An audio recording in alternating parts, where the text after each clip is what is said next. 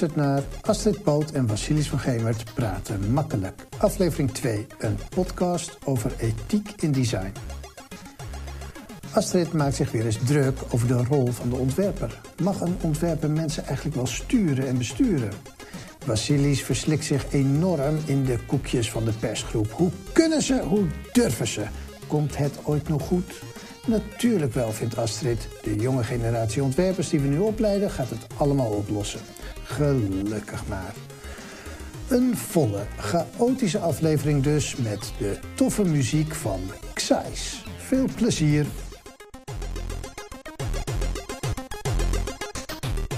Vasilis, hoe kijk jij terug op die vorige aflevering? Nou, ik vond het sowieso natuurlijk superleuk om te beginnen. Ehm, spannend. Eh, best veel werk, eerlijk gezegd, als ik terugdenk. We moesten ineens een website maken. We moesten dingen aanmelden bij Spotify en bij Apple. Ehm, audio bewerken. Eh, best veel eh, werk, maar laten we zeggen dat we nu iets hebben waar we mee aan de slag kunnen. we hebben zelfs een eigen soort van Google Docs op een Raspberry Pi bij ons thuis. Vind ik echt helemaal te gek. Die staat gewoon in mijn kast en daar kunnen we op typen. Ehm, en, ehm, maar inhoudelijk, uh, ik vond hem eerlijk gezegd, laten we zeggen, nog wat voorzichtig. Uh, wat je misschien ook wel kunt verwachten van een eerste aflevering. Uh, wat aftastend. en misschien ook wel een gebrek aan spektakel zat er nog in. Nou, vind ik niet dat het spectaculair hoeft te worden. Maar laten we zeggen dat dit toch een onderwerp is waar volgens mij iets meer mening ook wel waardevol kan zijn. In plaats van alleen maar nuance. Uh, ik wil die nuance er graag inhouden. Uh, maar ik heb toch af en toe ook echt wel een mening over deze dingen. En die wil ik dan ook wel even uiten. Dus dat vond ik van vorige, uh, van de eerste aflevering. Dus al met al denk ik geslaagd. We hebben ook echt goede inhoudelijke feedback gekregen van een aantal mensen. Uh, zowel positief als kritisch. Uh, nou, daar word ik heel blij van. Um, en jij, wat vond jij ervan? Nou, ik was toen jij dreigde hem, hem, te gaan publiceren, toen je al het aanmelden en zo had gedaan, toen kreeg ik een soort acute angstaanval. en werd ik wederom overvallen door het imposter syndroom. Oh jee. Um, want wat ik heel erg merk als ik met dit onderwerp bezig ben... ik heb inmiddels echt een stapel boeken van een halve meter hoog erover gelezen. Ik besteed er superveel tijd aan elke week. En toch blijf ik het gevoel hebben dat ik nooit genoeg weet... om er echt recht te hebben er iets van te vinden. Dus hm.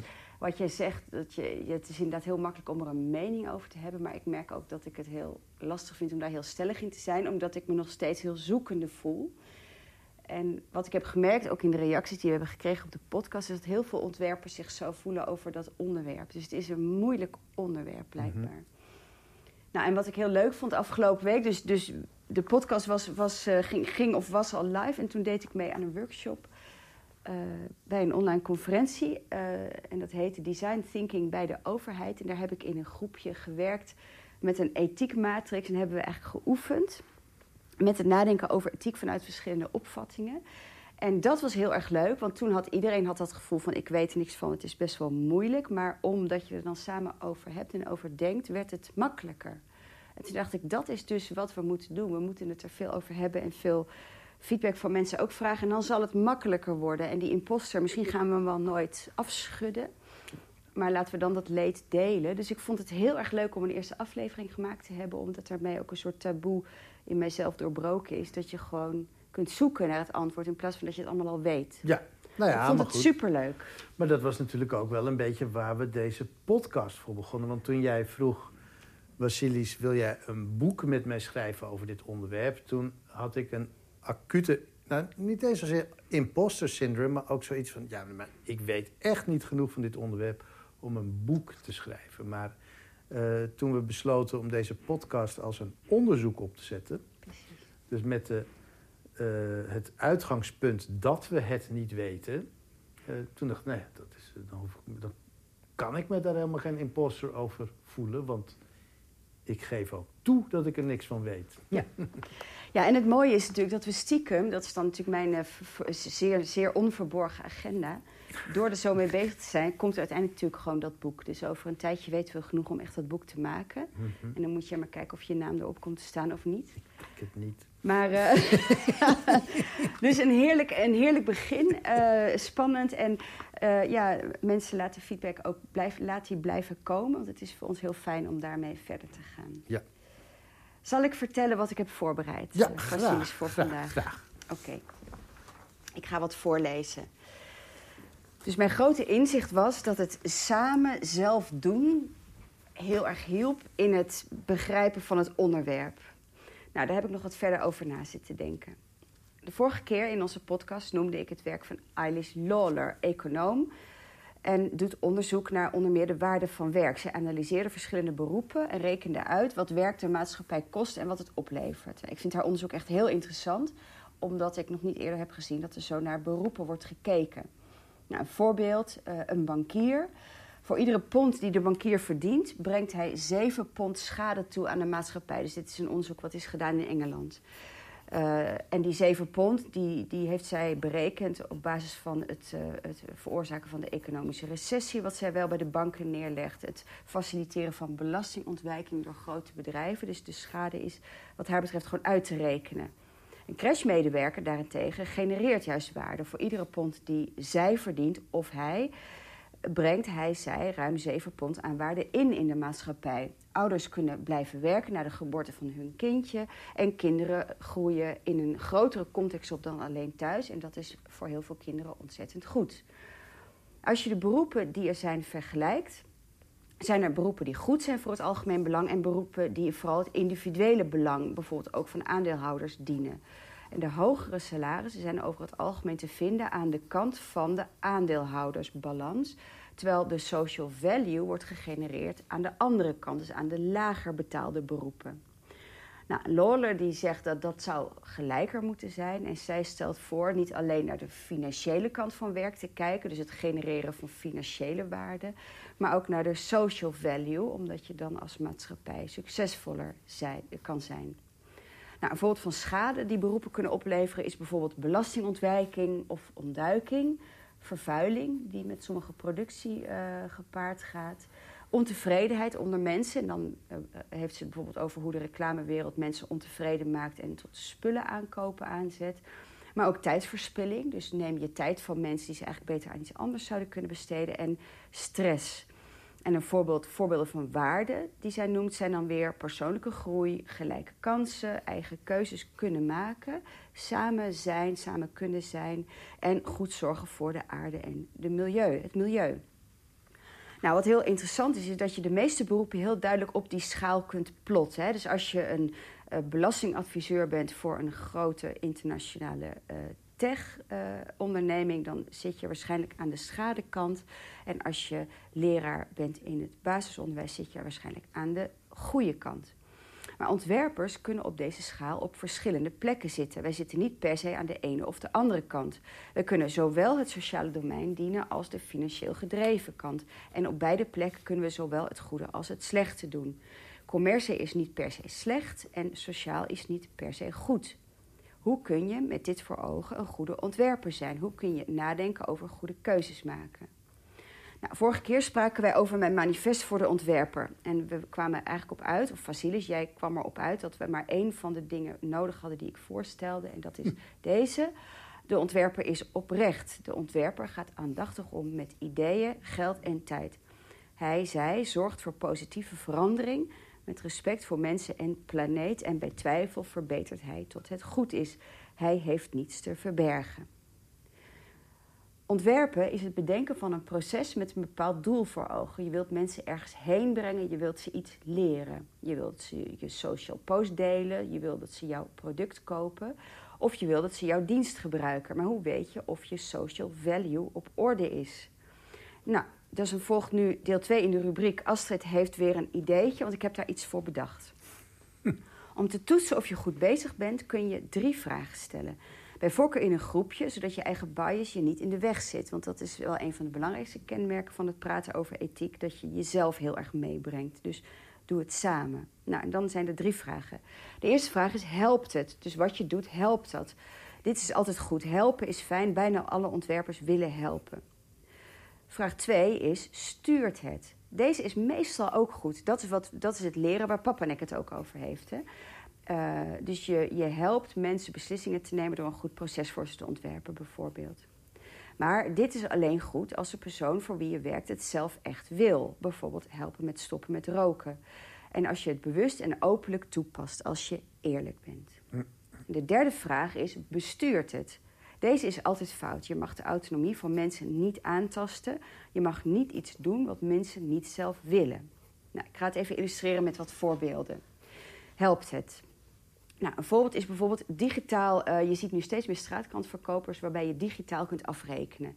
Dat is fijn, want mensen hebben geen kleingeld in hun zak. Het concept is, uh, is, is ontwikkeld, wordt op, in heel veel steden gebruikt en werkt ontzettend goed. Die mensen krijgen meer geld omdat je kunt pinnen. Maar ik heb ook ooit gelezen over een pilot waar een straatkantverkoper het geld niet zomaar kreeg. Dus, dus, is niet zo, dus hij had dan zo'n pinautomaatje. En uh, daar werden de kranten op afgerekend, maar er, er, werd voor hem beslist waar hij het geld aan kon uitgeven, wat hij op die manier had oh, uh, verdiend. Ja. Ja. En dat kwam voort uit het sentiment, wat, wat, wat je voorbijgangers dan ook wel eens hoort zeggen: uh, Ik geef geen geld, want dan kopen ze er maar drank van. Uh, dus de verkoper moest aan bepaalde voorwaarden voldoen en werd zo geholpen. Geholpen tussen haakjes, want het is, ook al is het goed bedoeld, het voelt toch niet helemaal fijn. De straatkantverkoper, in plaats van dat hij wordt geholpen, wordt hij bestuurd. Hij verliest de autonomie en dat is schadelijk. Tweede voorbeeld, stuurt het. De National Trust is het staatsbosbeheer van Groot-Brittannië. Zij willen heel graag dat mensen zich goed gedragen in hun natuurgebieden. Nou, ik was daar ooit in Kent en ik liep rond een vennetje met mooi begroeide oevers. Nou, en dat combineert niet met al die mensen met honden die daar willen gaan zwemmen, die daar ook heel veel lopen. Nou, dan kun je een bordje neerzetten, verboden voor honden. Dat stuurt, maar het helpt niet, want je zit daar met die hond die graag wil zwemmen. Het is echt super warm. Er staat een bord, maar je ziet nergens een boswachter. En dus gaat die hond toch zwemmen. Schade aan de oever en schade aan de relatie tussen de bosbeheerder en de bezoeker. Want je komt in een soort uh, strijd terecht. Of je zet, zet een ander bordje neer en dat bordje stond daar natuurlijk. Encouraging your dog to use this ramp helps preserve the banks for other wildlife. En er was een uh, ramp waar de hond af kon lopen en zo het vennetje in. Nou, dat bordje zegt eigenlijk hetzelfde, maar je begrijpt ook waarom het moet en het biedt een oplossing. En je begrijpt dat jij door je aan die regel te houden, die banks beschermt en de andere dieren ook helpt. Er is dus geen schade maar je, en je wordt gestuurd. Maar je kunt wel echt je eigen keuze maken. Dus dat is een goed voorbeeld van sturen. Nou, dan de laatste, bestuurt het. Apple heeft de dienst leesdoelen bereiken ontwikkeld. Uh, mijn telefoon houdt leesdoelen bij die ik heb gesteld. Ik heb hem op vijf minuten gezet om het te testen. En dat voelt natuurlijk ontzettend goed, want lezen is heel belangrijk. Maar wat er niet goed aan is, is dat het alleen telt als je digitaal leest op je Apple-device. En dat er een share en een beloningsfunctie in zit dan ga je mensen besturen. Je veroorzaakt meer schermgebruik en je presenteert lezen als een wedstrijd waarover je moet opscheppen tegen je vrienden. En dat is schadelijk. Beter is het om leesplezier te stimuleren en ook het offline lezen mee te nemen.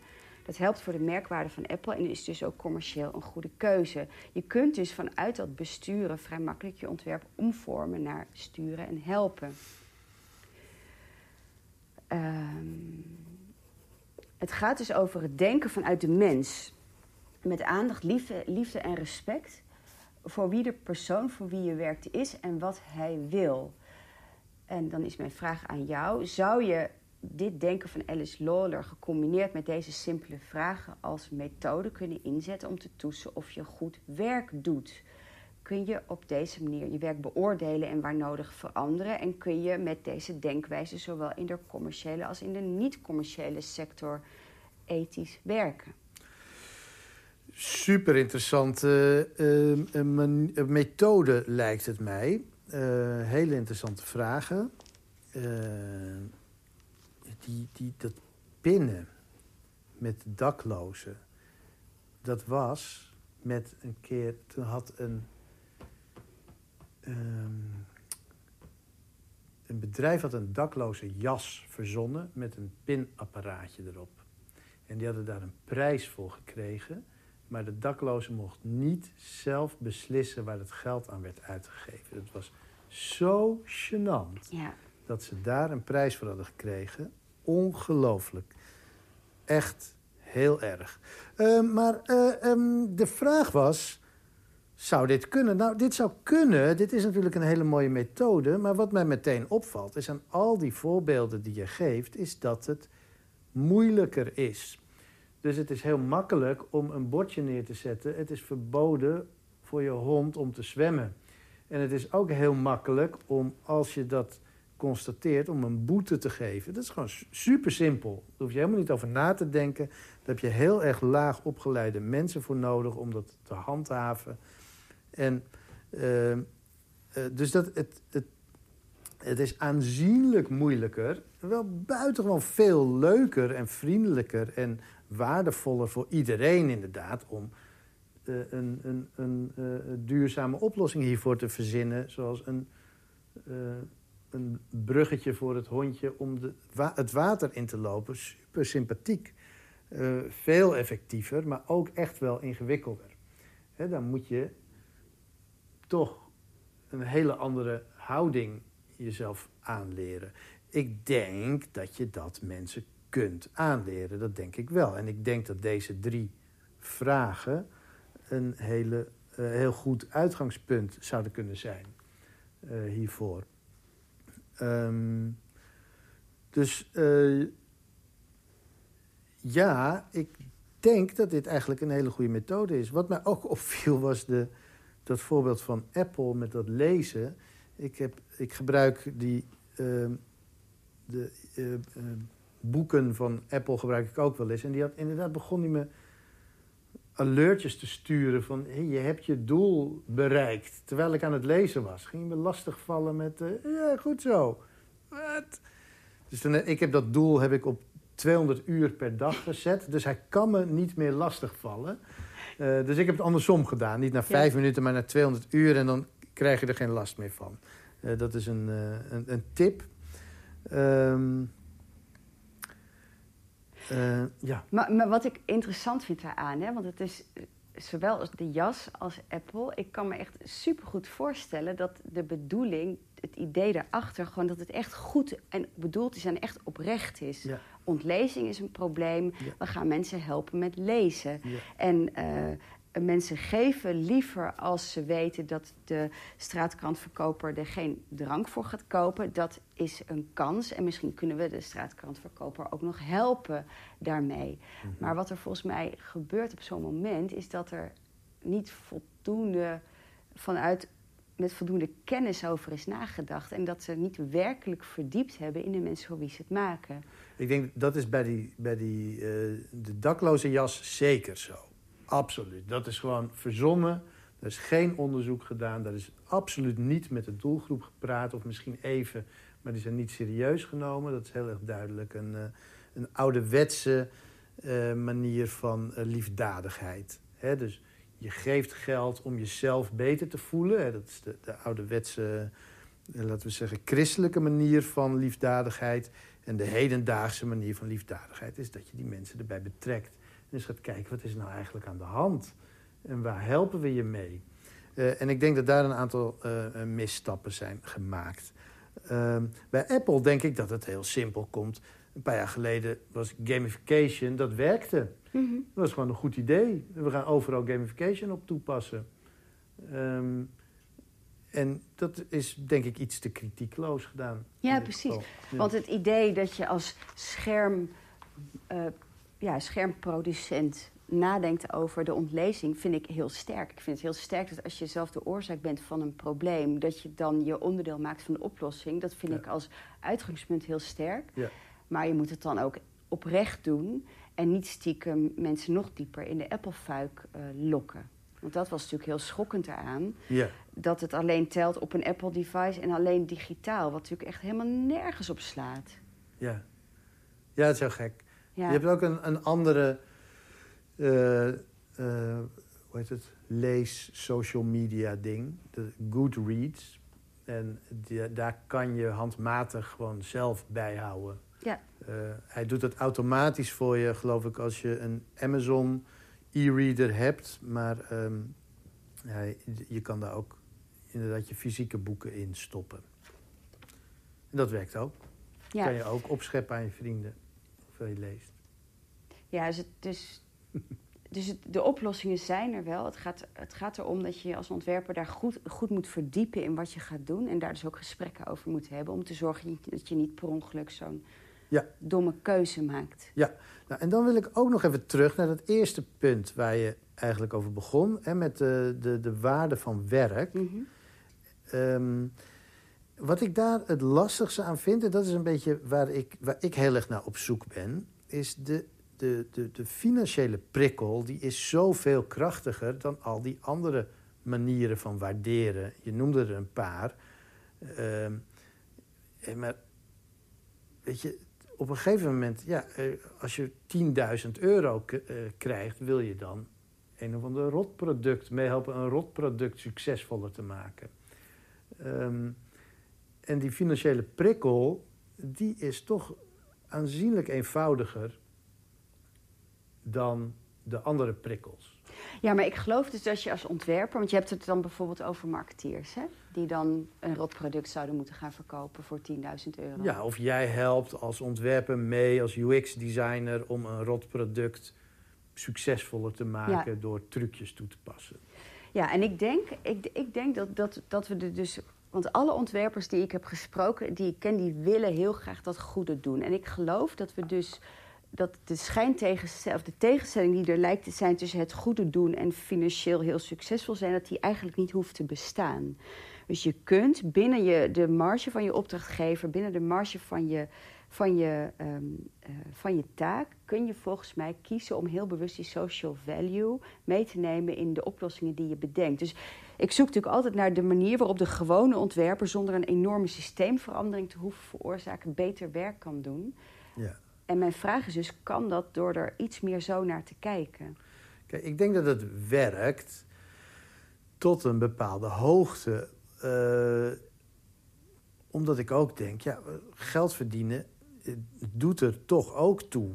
En wat ik dus, waar ik eigenlijk meer naar op zoek ben, is kunnen we niet gewoon en de sociale waarde meer waarderen, maar daar ook meer geld tegenover Ja, stellen. precies. Ja, dus dat we dat, we dat sociale loskoppelen van de non-profit, overheid, culturele sector, dat dat gewoon En- onderdeel wordt van ons denken. En dat als je dus veel geld wil verdienen, dat het makkelijker wordt om niet voor schadelijke dingen te kiezen. Maar dat je daar dus een industrie tegenover ze- zet Ja. die waarde toevoegt, maar die ook financiële waarde, genoeg financiële waarde genereert. Om, en ik, ik heb eerlijk gezegd echt geen idee of dit wel kan.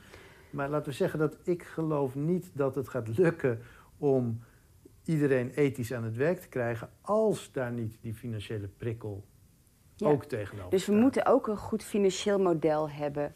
Dan geef ik je nog even één voorbeeld. Ja. Eh, heel recent is het bedrijf Beter Boeken opgericht. Oké, En dat is een bedrijf wat een reactie is op Booking. Dus zij zagen dat Booking al die staatssteun aanvroeg voor eh, hun personeel en eh, ondertussen ook hun eh, dividend gewoon ging uitkeren, geloof ik. Nou, super schandalig. ja, En toen dachten zij, kunnen wij een bedrijf starten waarbij we dezelfde service bieden als Booking, maar dan zonder de dark patterns. Waarbij we gewoon geld verdienen en een gezond bedrijf kunnen hebben waar we de mensen flink betalen.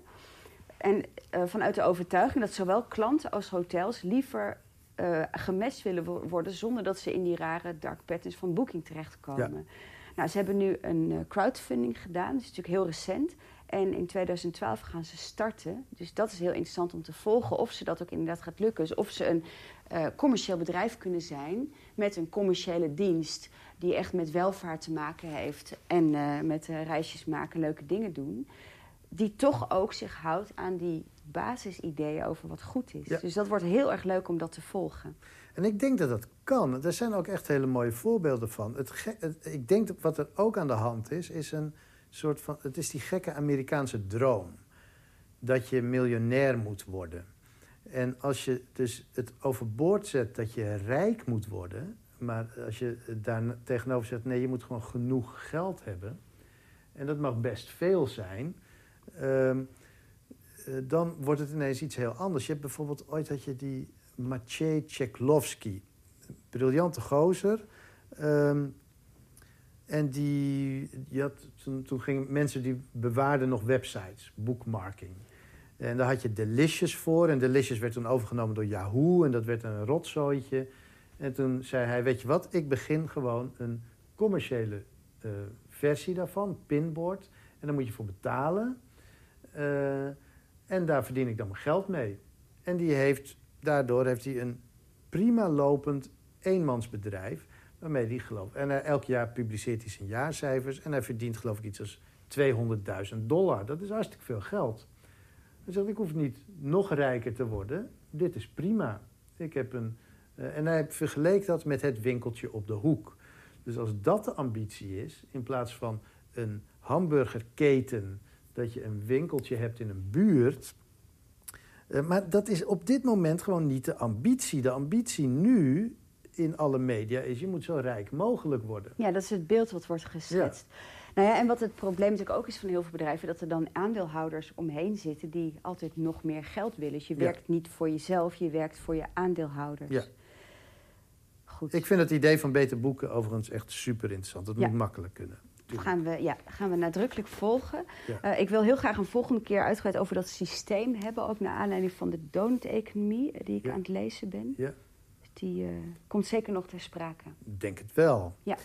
Ja, maar ik denk dat dat wel echt een lastig ding is hoor. Van hoe krijg je mensen uit die uh, droom om superrijk te zijn. En uh, uh, wordt het ideaal dat niet meer, maar het ideaal gewoon een lekker inkomen. Genoeg verdienen. En ik denk niet eens. Van, mijn doel was altijd.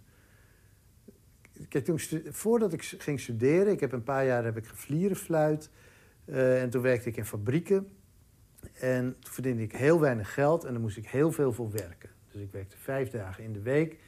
En dat geld kon ik met gemak in het weekend opmaken. En dan moest ik ook nog linzensoep eten in de laatste week van de maand. Uh, dus ik verdiende te weinig voor wat ik wilde doen. En mijn doel was altijd aanzienlijk minder werken dan vijf dagen in de week. Maar daarmee wel genoeg verdienen om alles te kunnen doen wat ik wil. Uh, en eigenlijk zou dat en, ik heb zoiets nu en dat geeft zo'n onwijze rust. Uh, dat is zo ontspannen. Dus eigenlijk zou dit het doel moeten zijn. Ik zie ook mensen die verdienen genoeg geld, maar die moeten daar nog steeds heel erg hard voor werken. Uh, die verdienen aanzienlijk meer dan ik doe, maar die hebben ook aanzienlijk minder tijd om te genieten van hun uh, welvaart. dus ik denk dat, nee, dat zou misschien, geen idee hoe we dat als nieuw westers ideaalbeeld krijgen. Want als je kijkt bijvoorbeeld ook naar de, de overheid. Dus de, er is nu is er, op een gegeven moment is er nu laatst een onderzoek gedaan. Vrouwen komen nog steeds niet aan de top. Uh, en dat is echt een groot probleem natuurlijk. Want je wil niet dat alleen maar mannetjes aan de top zitten. En alleen maar bepaalde types mannetjes al helemaal niet. En dat zijn misschien wel helemaal de verkeerde mannetjes om uh, dat soort beslissingen te nemen. Um, maar nou is er besloten dat we dus vrouwen moeten stimuleren om meer te gaan werken. Want het, de reden waarom vrouwen niet aan de top komen is omdat ze niet fulltime willen werken. En ik denk dan, wat een domme oplossing. Je moet juist mannen stimuleren om minder te gaan werken. Het moet juist andersom. Je zou bijvoorbeeld kunnen zeggen als je fulltime werkt, mag je geen manager worden.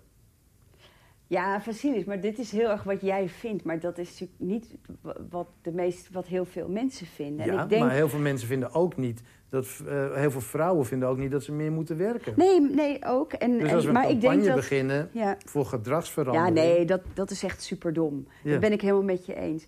Maar ik geloof wel dat, dat de, als we zoeken naar waar, hoe je als ontwerper goed werk moet doen... dat we ook echt moeten begrijpen dat we niet iedereen kunnen dwingen... in een soort nieuw socialistisch model... En dat, dat we moeten dus zoeken naar oplossingen waarbij dat ook niet hoeft, volgens mij. Ja, ja. En ik denk dat dat de echte uitdaging is. Want als je alles. Uh, en, dat, en dat is ook wat ik lastig vind aan boeken die grote systeemveranderingen voorstellen. Daar kun je ook aan werken. Dat is ook goed. De gemeente Amsterdam is er heel goed mee bezig hè, met de donut-economie. Dat is echt fantastisch. Ja. Maar ja, ondertussen zit ook Booking zit hier naast de bibliotheek op een A-locatie uh, met steun van de overheid dark patterns te ontwerpen. Dus je kunt dat niet helemaal uit, uitbedenken. Ze moeten echt die cultuurverandering onder ontwerpers ook realiseren. Ja. Zonder dat we het hele systeem hoeven te veranderen. Ja, ja, ja oké. Ja, het kan ook, dingetjes kunnen ook kleiner. Ja, ja precies. Ja. ja. Goed, ik ga dit ideetje delen. Uh, fijn als jullie daar uh, ook naar kunnen kijken en op kunnen reageren om te zien of die plaats krijgt in het boek. Wat we al een aantal keer hebben genoemd vandaag. Tot zover, Vasilis. Uh, ja, ik heb ook wat opgeschreven. Uh, dus vorige keer vond ik uh, wat ik had opgeschreven misschien iets te genuanceerd. Hoewel ik vind, ik ben het ermee eens, maar misschien niet prikkelend genoeg. Dus ik heb nu iets, denk ik, iets meer prikkelends opgeschreven. Um, ik heb me de afgelopen weken oplopen winden over de cookie warnings van de persgroep. Uh, die zie je bijvoorbeeld op sites van de Volkskrant, het Parool of Trouw. Daar zijn wat rare dingen mee. Wist je bijvoorbeeld dat als je op het parool op de grote groene knop met ja prima klikt, dat je dan aangeeft dat je het prima vindt dat het parool alle mogelijke gegevens over jou gaat verzamelen, letterlijk alles, en gaat verkopen kopen aan iedereen die er maar voor wil betalen. En dat die dataverkopers vervolgens helemaal vrij staat te doen wat ze ermee willen doen. Dat betekent het als je op ja prima klikt. Ik denk dat heel veel mensen zich dat niet hebben gerealiseerd toen ze op die grote vriendelijke groene knop drukten. Maar je gaat met nog meer akkoord. Veel meer zelfs. Niet alleen het parool mag nu jouw data verzamelen. Doordat je op het parool op ja prima hebt geklikt, mogen ook de Volkskrant, Trouw en een hele lijst van regionale dagbladen dat. Waar je nog nooit van hebt gehoord waarschijnlijk.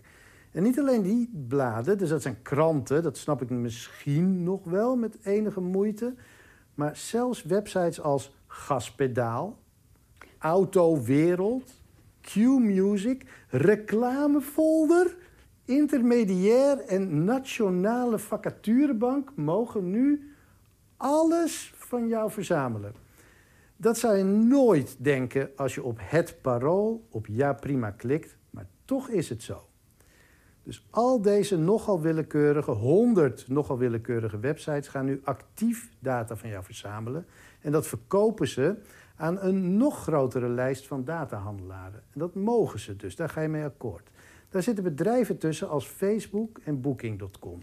Maar er zitten ook bedrijven tussen, met name als Neural One, Addictive, Outbrain UK Limited, Infectious Media, Oracle, Unruly Group Limited.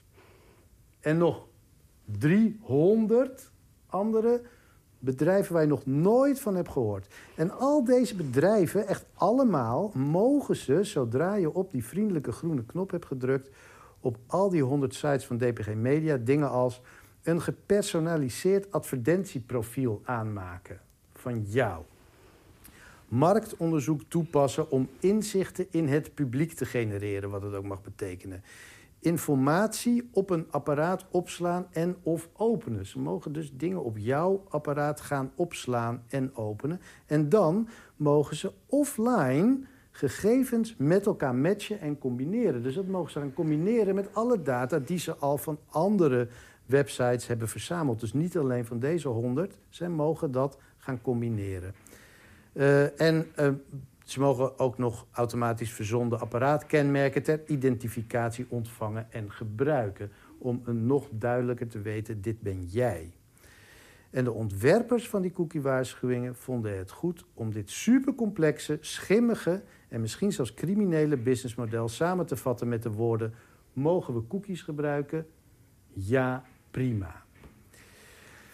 Het probleem is hier natuurlijk dat businessmodel. Het is zo complex dat ze het liever verbergen achter een pop-up die bol staat van de dark patterns en wollige taal. En ik begrijp het wel dat ze, het liever niet, dat ze er liever niet te koop mee lopen. Het is namelijk precies tegenovergesteld aan het doel van goede journalistiek. Journalisten willen openheid en transparantie en dit businessmodel is gesloten, totaal ondoorzichtig en vreselijk schimmig. Echt zo schimmig dat gedegen journalistiek onderzoek naar dit model ongetwijfeld koppen aan het rollen zou brengen. Maar ik zie de kranten van de persgroep dit onderzoek nog niet doen. Even terug naar die cookie-waarschuwing. Het is toch bizar dat zulke expres slecht ontworpen dingen online komen te staan. Hier zijn echt heel veel mensen bij betrokken geweest. Jurist, juristen bijvoorbeeld, die hebben er naar gekeken en die hebben geconcludeerd... helemaal goed zo, niks meer aan doen. Terwijl ze ook hadden kunnen zeggen... ja, misschien mag dit net volgens de letter van de wet... maar we kunnen ook proberen om mensen niet te misleiden... door de tekst wel gewoon duidelijk te maken. Ontwerpers hebben hier aan meegewerkt. Ik zie de art director al voor me die tegen de juniors zegt... nee, die self-destructie-button moet vriendelijker. Nog vriendelijker, alsof hij heel aardig en goed is. Ja, zo, nog iets vriendelijker dat groen. En nu groter, groter, groter. Ja, helemaal goed zo. En die andere knop waar je dingen kunt instellen... Uh, met moeilijke dingen, die moet eruit zien alsof je niet op kunt klikken. Nee, nog grijzer, kleiner, onduidelijker. Nog iets onduidelijker. Ja, nog iets. Bijna goed zo. Laten we nog even aan de copywriter vragen of het nog iets verwarrender kan. En dan doet de copywriter, die doet dat. En de UX-designer die verbergt de onduidelijke copy... want die is echt vreselijk onduidelijk... nog even wat dieper achter allemaal lagen van uitklapmenu's... En alle managers die voor al deze stappen verantwoordelijk zijn... die hebben hier allemaal een goedkeuring aan gegeven. En de business heeft ook gedacht... zo, dat zit mooi in elkaar is er dan helemaal niemand in die hele ketting die denkt... wat de fuck zijn we hier aan het maken? Hoe verdienen we ons geld überhaupt? Dit kan toch niet? Dit is toch je reinste zwendel?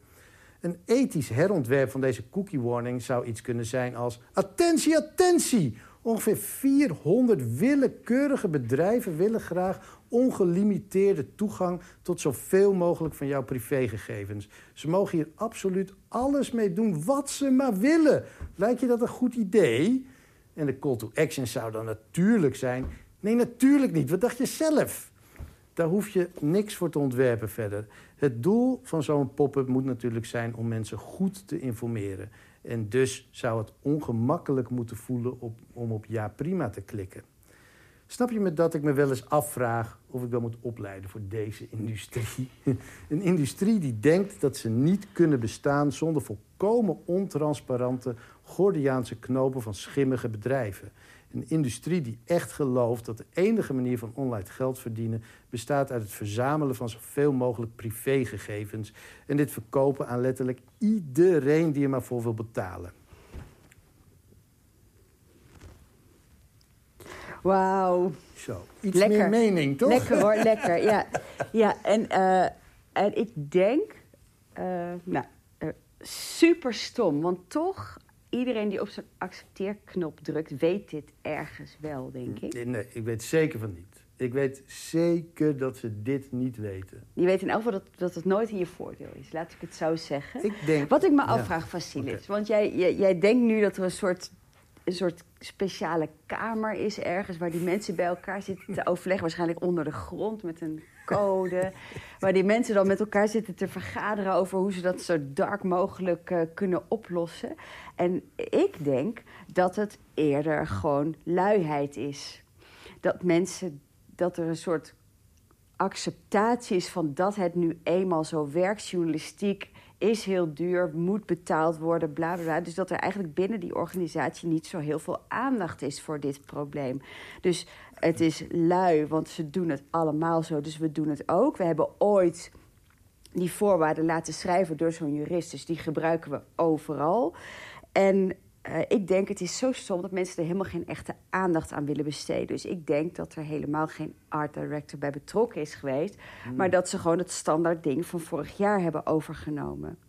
En waar ik aan moet denken... Nou, er wordt wel gewerkt aan dit ding. Je ziet hem langzaam ja, veranderen. Ja, je ziet hem veranderen. Maar dan ja. nog denk ik dat dat vanuit een houding is. Zo werkt het nu eenmaal. Niks aan te doen. Super balen. Ze hebben toch niks aan dit. Ik denk dat er heel veel acceptatie zit in die groep mensen die daarmee bezig is.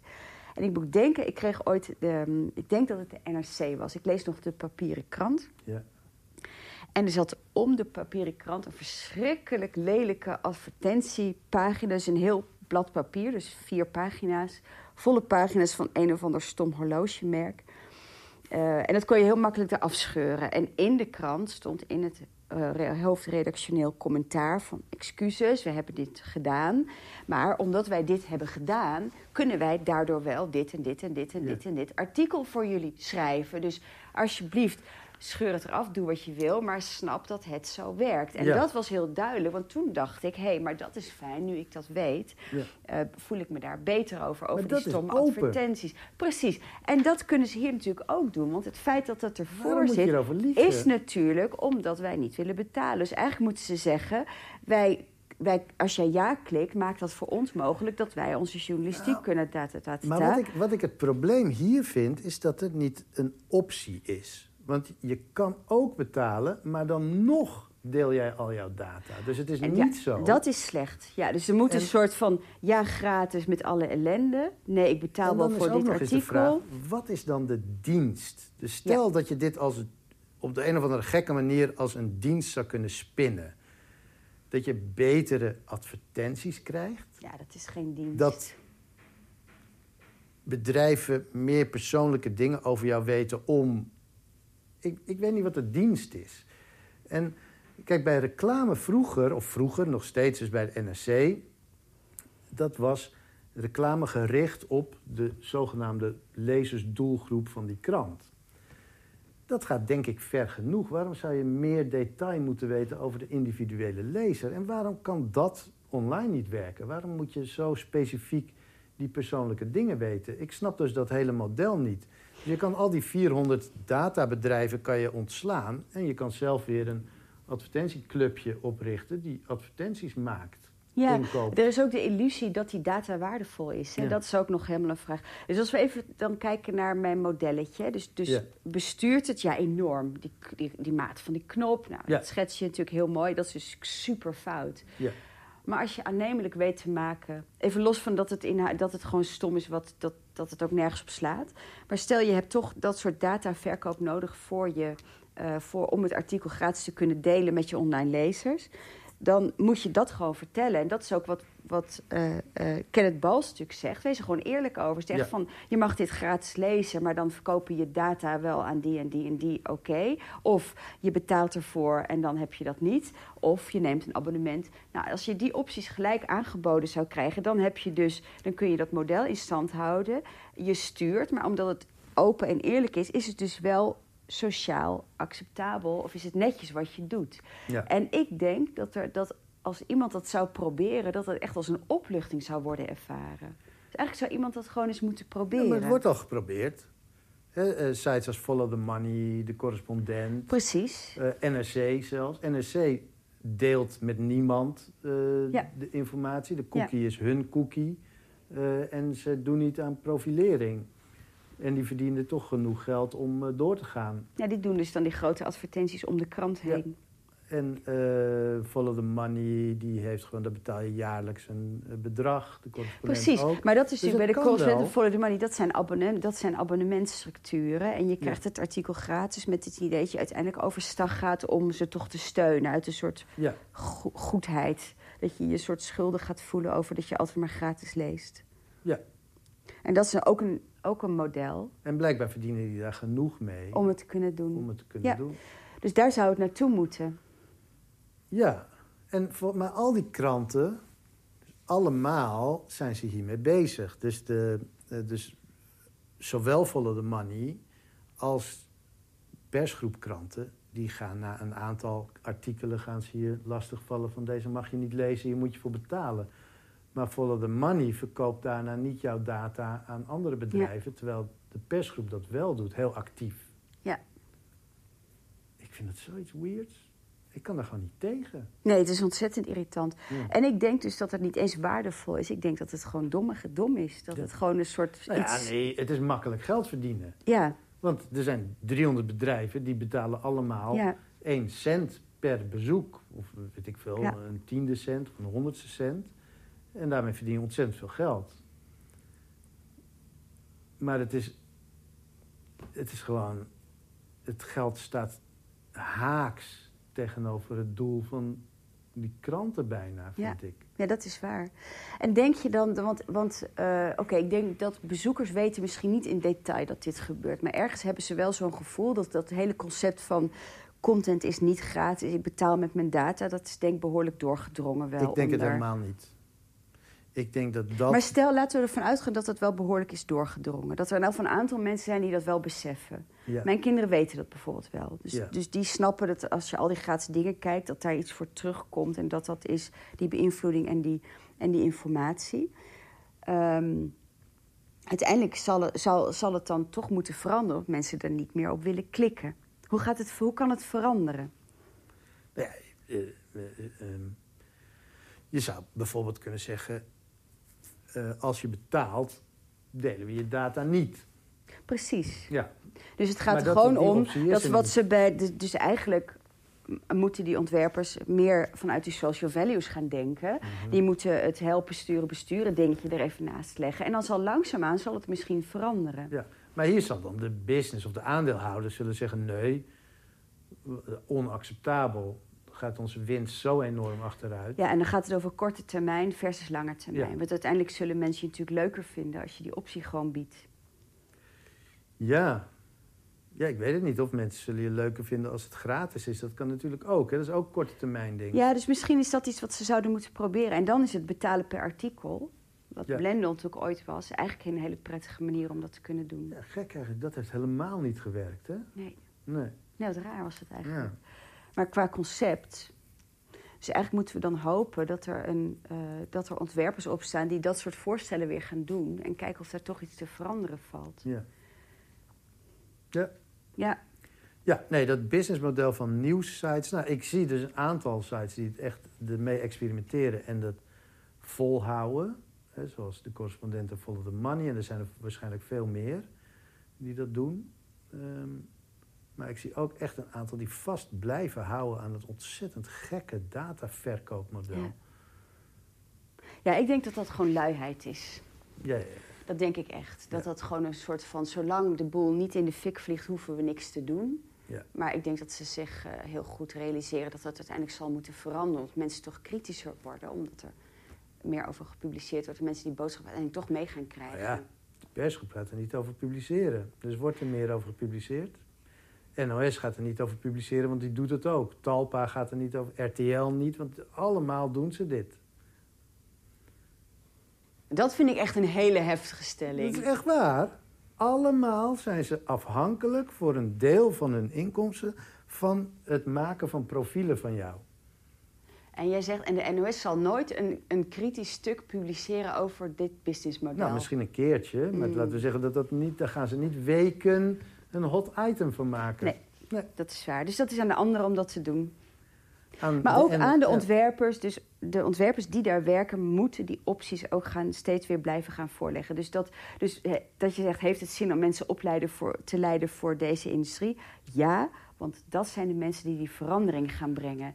En dat, Wat een fijn antwoord. Maar, dat, nee, maar Ja. Vasilis, dat is het Ja. toch ook? Want Ja, dat, dat was, ja. ik, ik was laatst zat ik in een panel over reparatie. Dat was ontzettend leuk. En daar wa- was ook, eh, daar was ook iemand die werkte als product designer bij een grote. Ik, ik denk, ik weet niet zeker of ik het mag zeggen qua.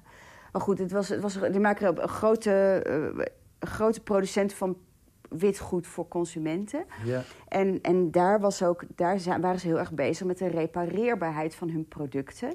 En zij, die ontwerper zei ook van, ik, die kwam daar dan als jonge ontwerper binnen. En die eh, bracht ook dat gedachtegoed mee van dat repareren belangrijk was. Ja. Het was een soort van kwijtgeraakt uit die Ja. organisatie. En, en ik geloof echt dat jonge ontwerpers die wij opleiden, dat we die, dat, dat, dat de, heel veel van dit soort systemen is gewoon het oude denken. Je moet data verkopen, want data, data, data. Maar inmiddels weten, weten jonge ontwerpers veel beter dat dat helemaal niet zo effectief Ja. is. En die moeten dus alternatieven gaan ontwikkelen en langzaam gaan implementeren. Dus, Dus heeft het zin een- ja. om die mensen op te leiden? Ik denk, Fazies, dat het essentieel is om die mensen op te precies, leiden. ja. Het wordt alleen maar belangrijker om ze op te leiden. En ook voor deze industrie. Juist ook voor die industrie. Ja, dus ik denk ook dat het, het gevaar van de ethiekdiscussie is dat, die zich, dat de oplossingen zich afspelen in het domein waar het sowieso eigenlijk al best goed ging. Maar we moeten ook dat stuk waar het echt niet goed gaat, moeten we annexeren met wat betere gedachtegoed. Oké, Ja, gaaf. dat is denk ik onze opdracht om daar naartoe te gaan. Ja, ja, nee, dat is heel mooi. En wij zijn gewoon misschien in een te cynische periode opgegroeid. Inderdaad, met wat je zegt, dat producten worden op dit moment zo gemaakt dat ze niet te repareren zijn. Uh, in sommige gevallen is het geloof ik zelfs strafbaar als je je het product wat je hebt gekocht openschroeft. Ja, ja, dan gaat vervalt de garantie. Maar dat, dat, dat is waar. Maar dat zijn allemaal dingen waar ze op de TU bijvoorbeeld heel veel over nadenken. De studenten daarvan, hoe kun je dat veranderen, hoe kun je dat verbeteren. Dus ik ben echt super optimistisch. Ik ben helemaal, geen, eh, ben helemaal niet cynisch. Maar ik geloof dat heel veel dingen uit gewoonte en per ongeluk... en onder invloed van slechte krachten fout gaan. Maar als je daar aandacht en energie in steekt, dat het dan beter kan worden. Ja, ja. mooi. Dus dat geloof ik wel. Fijn toch een positieve afsluiting. Absoluut. Ik word hier wel blij van. Dat is mooi. Dat is mooi. Had jij nog punten waar je het verder nog over wilde hebben? Nee, ik, ik, ga ik wil, ik wil dat, dat, dat modelletje ga ik uitwerken... zodat de lezers daar ook wat mee kunnen en dat kunnen uitproberen. Ik ben natuurlijk heel erg benieuwd hoe anderen erover denken. Dus is Vasilis te cynisch? Ben ik te naïef? Dat zou ik heel graag willen weten. um, Ik denk dat we, dat we ook het systeem meer moeten gaan bespreken. Dus daar gaan we ons op voorbereiden om dat goed en geïnformeerd te kunnen doen met een gast. Want ons idee is natuurlijk dat we gasten uitnodigen die er echt veel van weten. Dus die gast gaan we zoeken en vinden en uitnodigen, zodat we dat gesprek goed kunnen voeren. Ja. Ehm, en dan zijn we wat mij betreft voor nu klaar. Ja, gaaf. Dankjewel, Vasilis. Wat vond jij van deze aflevering?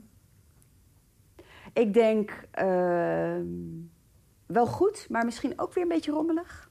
Oké. Oh, ik denk dat dat wel meevalt. Nou, dat is mooi. Ja. We gaan het van onze luisteraars horen. Okay. Dankjewel. Dankjewel. Doei doei.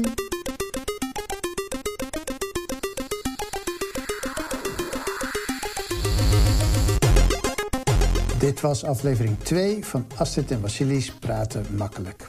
Heb je opmerkingen? vragen of suggesties? Laat het ons weten. De volgende keer hebben we ook gasten.